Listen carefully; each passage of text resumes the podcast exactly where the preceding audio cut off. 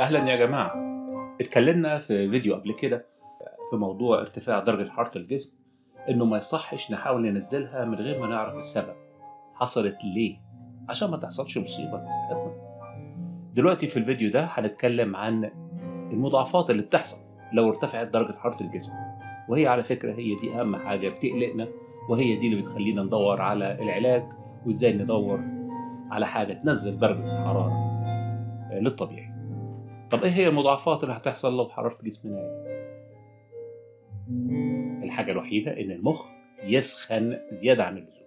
يسخن زيادة عن اللزوم يعني درجة حرارته تعلى عن 42 درجة مئوية. يبقى كل اللي علينا إيه؟ نعمل إيه؟ ولا حاجة.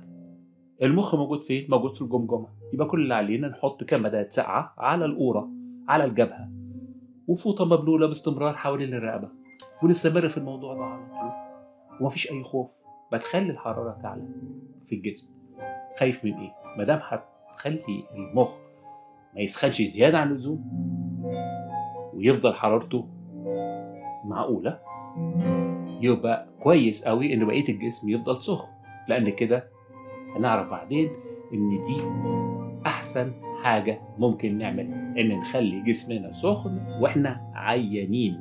بس نحافظ على مخنا ما يسخنش.